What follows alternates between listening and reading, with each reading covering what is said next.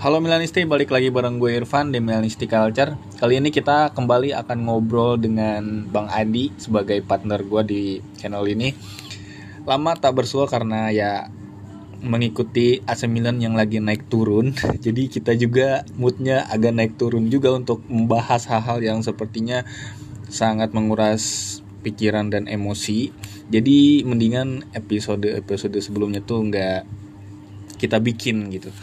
Kali ini kita akan ngobrol untuk membahas derby ya setelah sebelumnya kita imbang melawan tim-tim yang secara di atas kertas itu bisa dikalahkan sebetulnya. Namun di pertandingan terakhir kita berhasil mengalahkan Lazio dengan skor yang cukup baik ya, meyakinkan e, 2-0.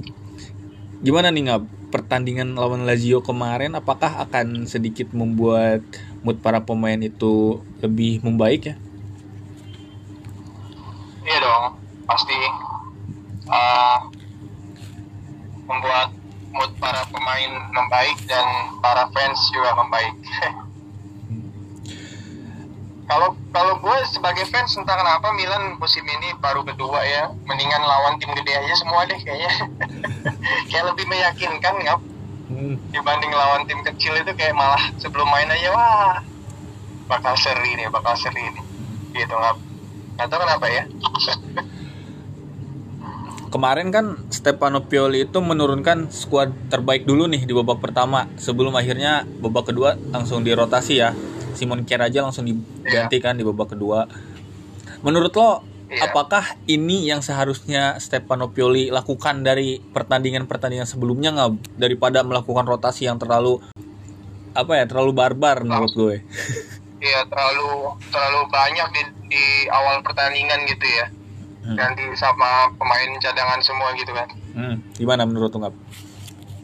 Uh, iya sih ya sebagai fans mah gue sebenarnya setuju nggak cuma kan balik lagi ke keadaan fisik pemain itu sendiri kan nggak gitu satu tim itu sendiri dan gue rasa kalau pemain bola memang uh, pasti akhirnya kecapean sih nggak kalau dia terus-terusan di, di forsir sebagai starter sebagai starter gitu ya. Walaupun nggak full ya. Uh, menit 60 70 diganti. Cuma pasti capek nggak gitu. Jadi makanya beberapa pertandingan lawan yang tim kecil ya akhirnya lapis kedua duluan yang yang main. Karena memang tujuannya buat istirahatin pemain-pemain intinya nih untuk pertandingan yang lebih penting gitu nggak walaupun semua pertandingan penting ya cuma kan ada ada lawan yang lebih di atas kertas lebih lebih kuat lah. Gitu butuh pemain inti di semua.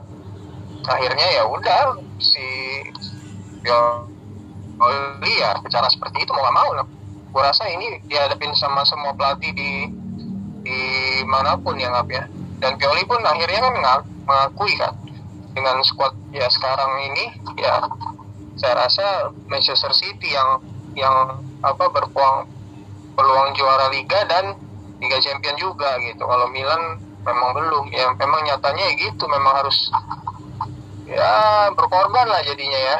Gitu karena kita tahu gitu nurunin pemain lapis kedua Milan permainannya ya gitu lah nggak lawan tim-tim kecil aja. Tim papan bawah aja seri terus gitu. Nah ini empat pertandingan sisa malahan gua lihat jadwal sih agak deg-degan sih nggak gitu di bawah itu apa eh, empat pertandingan ini tiga tim itu kita lawan yang posisi uh, zona degradasi semua kan gitu. Malah biasanya sih malam Milan itu keteteran malah seri malah seri gitu. Tapi kita lihat lah ya mudah-mudahan yang diturunin juga tim uh, tim inti semua nggak ada yang cedera gitu kan. Walaupun ya kita tahu jadwalnya udah mulai padat nih itu empat pertandingan sisa seri A plus dua semifinal Liga Champion hmm. nggak kalau yang fans inginkan sebetulnya kan AC Milan ini bisa main bagus dan menang. Dan kita ini uh. sekarang kehilangan dua-duanya nggak beberapa pertandingan terakhir. Kita main bagus enggak, menang juga enggak. Ini kan jadi kayak sebuah apa ya kegelisahan juga untuk para Milanisti. Dan banyak orang juga yang bilang katanya tuh lihat tuh De Zerbi di Brighton aja bisa main bagus kok, menang kok lawan tim-tim gede. Kenapa Pioli cuma bisa ngandelin 11 pemainnya doang gitu ketika dia pakai starter yang dari cadangan kok malah jadi beda permainannya gitu gimana pendapat lo nggak? Uh, ya karena itu permasalahan kita memang ini nggak ya di musim ini ya karena emang jomplang sih antara lapis satu dan lapis keduanya. Dan kalau dibandingin sama Brighton ya gue nggak tahu sih nggak jujur aja gue baru tahu Brighton fenomenal itu baru sebulan belakangan ini gitu. Tadinya gue nggak tahu dan itu pun gue nggak tahu ya apakah dia menerapkan rotasi tiap minggunya sama kayak kita gitu AC Milan gitu ya. Jadwal sepadat AC Milan apa enggak gitu. Apa memang dia ada winning timnya yang main tiap minggu kan? Mungkin dia mainnya cuma seminggu sekali Liga Premier ya. Nggak nggak Brighton nggak main di Eropa nggak main nggak main di FA Cup. Atau juga ya gue gak terlalu ngikutin gitu. Cuma kan permasalahan Milan ya ya ada di tim kita AC Milan gitu kan. Dan kita tahu fansnya yang masalah yang kita hadapin ini seperti apa gitu. Dan gue rasa ya Pioli udah udah lakuin yang terbaik nah menurut gue ya. Gitu dengan squad yang ada sekarang ini ya menurut gue udah udah hasil yang terbaik lah yang bisa kita dapetin gitu nggak mau mau mau nuntut apa lagi sih gitu. Maksudnya dengan squad yang jomplang seperti ini kita ada di semifinal Liga Champion terus masih ada di lima besar gitu ya. Dan gue rasa itu udah udah oke okay lah udah udah lebih dari cukup nggak buat gue seorang fans gitu ya. Tapi sebagai fans juga kan pasti boleh dong berharap gitu kan tim kesayangannya tetap uh, masuk musim ini walaupun nggak juara ya empat besar lah gitu kan. Liga Champion ya juara gitu. Walaupun lawannya ya monster semua yang di sebelah sana gitu. Yang di apa bagian sebelah sananya itu kan City sama Madrid kan yang ngeri lah gitu. Ya sebagai fans kan gitu harapannya. Tapi sebagai fans juga ya gue musim ini ya udah lebih dari cukup nggak udah prestasi lah menurut gue ya dengan squad yang ada. Ya mudah-mudahan ke depannya ada perbaikan lah tapi ya. Dari segi transfer manajemen budget yang dikasih ke manajemen gitu kan. Mudah-mudahan ada peningkatan dibanding musim-musim lalunya gitu. Kan ketika AC Milan ini melakukan rotasi satu pemain yang paling disorot itu adalah CDK kan? Dan ya, ya. ya dan penampilan dia itu malah makin menurun makin ke sini. Padahal Iya. menit bermain yang dia dapatkan itu sangat-sangat cukup lah daripada Yacine Adli kan yang selalu diinginkan sama fans Milanisti. Iya. menurut lu nggak? Kan Maldini bahkan eh, presiden kita tuh eh, bilang katanya kalau CDK ini hanya butuh waktu ini baru musim pertamanya. Kita bisa lihat Leao dan Tonali di musim pertamanya ya mereka bisa kita lihat seperti apa. Tapi kan sekarang mereka jadi andalan tim. Sedangkan Milanisti itu em, berkomentar. Katanya Leao dan Tonali ini dari musim pertama juga udah kelihatan gelagatnya kalau mereka itu pemain bagus. Sedangkan CDK ini kayak kontribusinya tuh kurang padahal menit bermainnya banyak gitu. Menurut lo gimana nggak gue ini sih apa eh, lebih setuju yang kedua.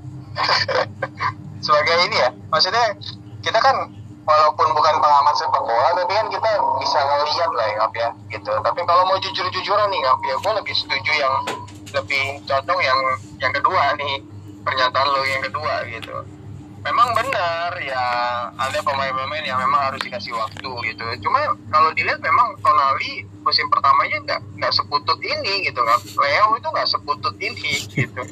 Dan JDK ini menurut gua eh, parah sih. Emang parah sih. Jadi mudah-mudahan ya eh, nggak tahu ya banyak ada beberapa opsi kan. Katanya mau dipinjemin ke Monza dulu biar dapat menit bermain yang banyak biar makin pede ya boleh-boleh aja gitu. Kalau lihat dulu di video-video dia potensi dia sebenarnya ini pemain pemain calon pemain bagus gitu ya. Cuma nggak tahu kenapa ya bisa separah ini gitu nggak. Jadi gua sebenarnya lebih lebih setuju yang kedua nih gitu. Memang ada potensi tapi kayaknya dulu pemain-pemain kita yang potensial itu nggak separah ini gitu. Apa uh, adaptasinya. Nah ini si CDK parah sekali gitu kan. Begitu dia di lapangan tuh kayaknya hopeless kayak bisa ngapa-ngapain ya gitu. Kayak main seri D gitu. Ya, iya serius kayak apa ya gitu. Kayak bukan pemain bola profesional kalau gue lihat dia ya gitu kan. Kenapa? Entah entah kenapa nih, nih orang gitu. Apakah mentalnya benar-benar sejatuh itu gitu ya? Jadi kalau lihat dia main itu ya ampun gini amat sih gitu. Ya mudah-mudahan dapat solusinya lah menurut gua nggak terlalu jangan terlalu dipaksain gimana gitu ya. Kalau emang harus dipinjemin pinjemin lah. Jangan jangan sampai terlalu gimana. Yang penting begitu dia keluar ya ada yang ada yang gantiin yang lebih bagus gitu nggak? Hmm. mudah-mudahan ya. Kalau menurut gue ini adalah beban dari nominal transfer yang dikeluarkan Milan untuk seorang CDK sih. Jadi banyak Milanisti yang kayak berharap lebih kepada dia.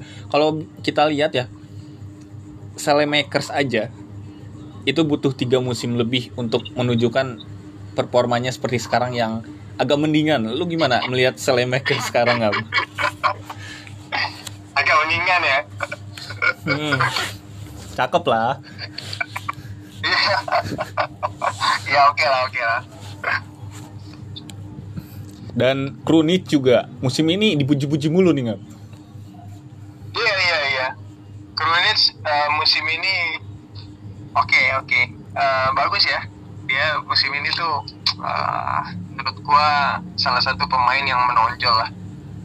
Itu walaupun memang nggak selalu jadi pilihan utama tapi uh, begitu Benacer dimasuk dijadiin AM dia duet sama Tonali itu ah trio ini tuh keren banget terus banget gitu. Hmm, Oke, okay. sekarang kita langsung ke pembahasan Liga Champion ini.